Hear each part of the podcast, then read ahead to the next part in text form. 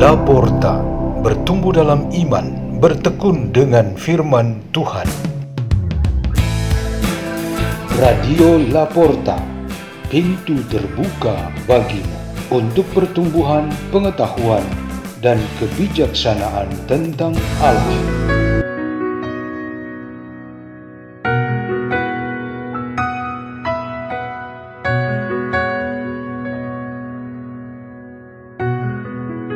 Bacaan dan Renungan Sabda Tuhan Hari Senin Pekan Biasa kelima 7 Februari 2022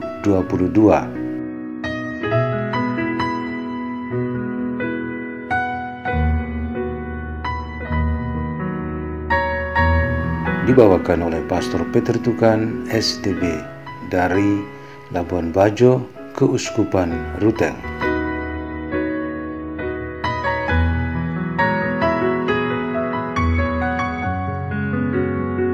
Injil Yesus Kristus menurut Santo Markus bab 6 ayat 53 sampai 56. Pada suatu hari Yesus dan murid-muridnya mendarat di Genesaret dan berlabuh di situ.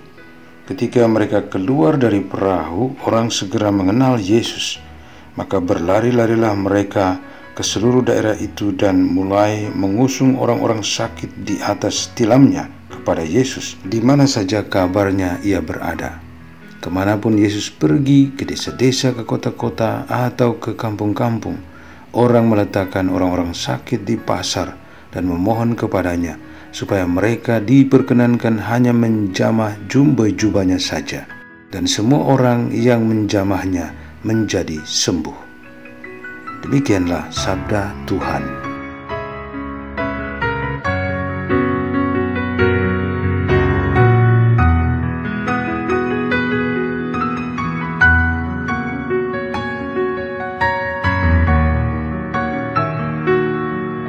Tema renungan kita pada hari ini ialah ruang bagi Tuhan. Ruang dimaksudkan di sini bukan sebuah tempat atau lokasi, karena prinsipnya Tuhan tidak bisa dikondisikan ke dalam sebuah tempat. Sebaliknya, Tuhan berada di dalam ruang yang melingkupi dan menaungi kita. Ruang itu menandakan sebuah kehadiran dan keberadaan. Tuhan menyediakan ruang itu dan dia sendiri berada di sana.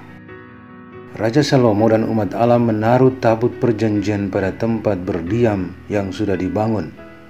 Namun raja berseru bahwa Tuhan akan tinggal di bumi selama-lamanya bersama umatnya.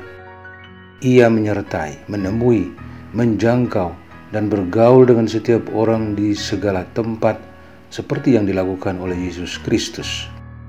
Ruang buat Tuhan adalah seluruh permukaan bumi ini, tempat semua manusia berdiam.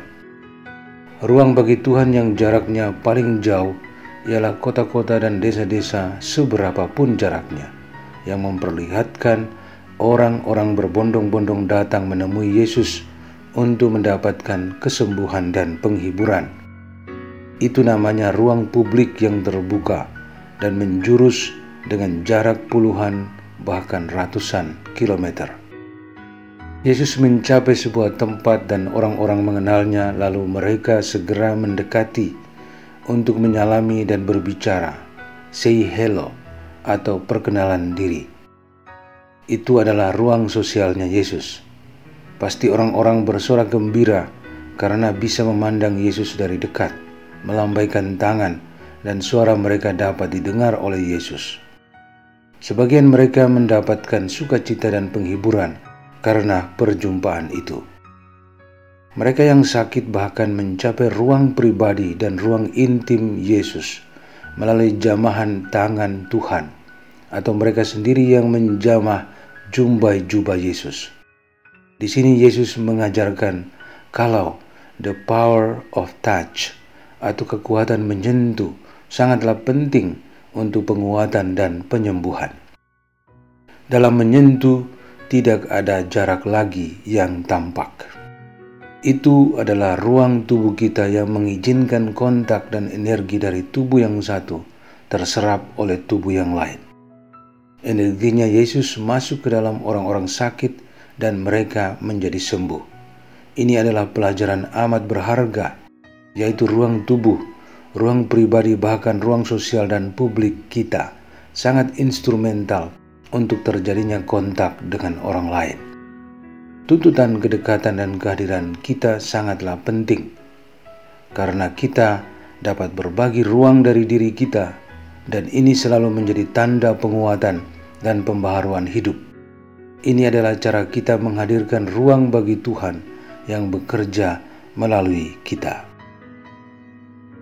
Marilah kita berdoa dalam nama Bapa dan Putra dan Roh Kudus. Amin. Ya Yesus, mampukanlah kami untuk memanfaatkan semua kehadiran kami sebagai ungkapan cinta kasih. Salam Maria, penuh rahmat Tuhan sertamu, Terpujilah engkau di antara wanita dan terpujilah buah tubuhmu Yesus. Santa Maria Bunda Allah, doakanlah kami yang berdosa ini, sekarang dan waktu kami mati. Amin. Dalam nama Bapa dan Putra dan Roh Kudus. Amin. Radio Laporta, pintu terbuka bagi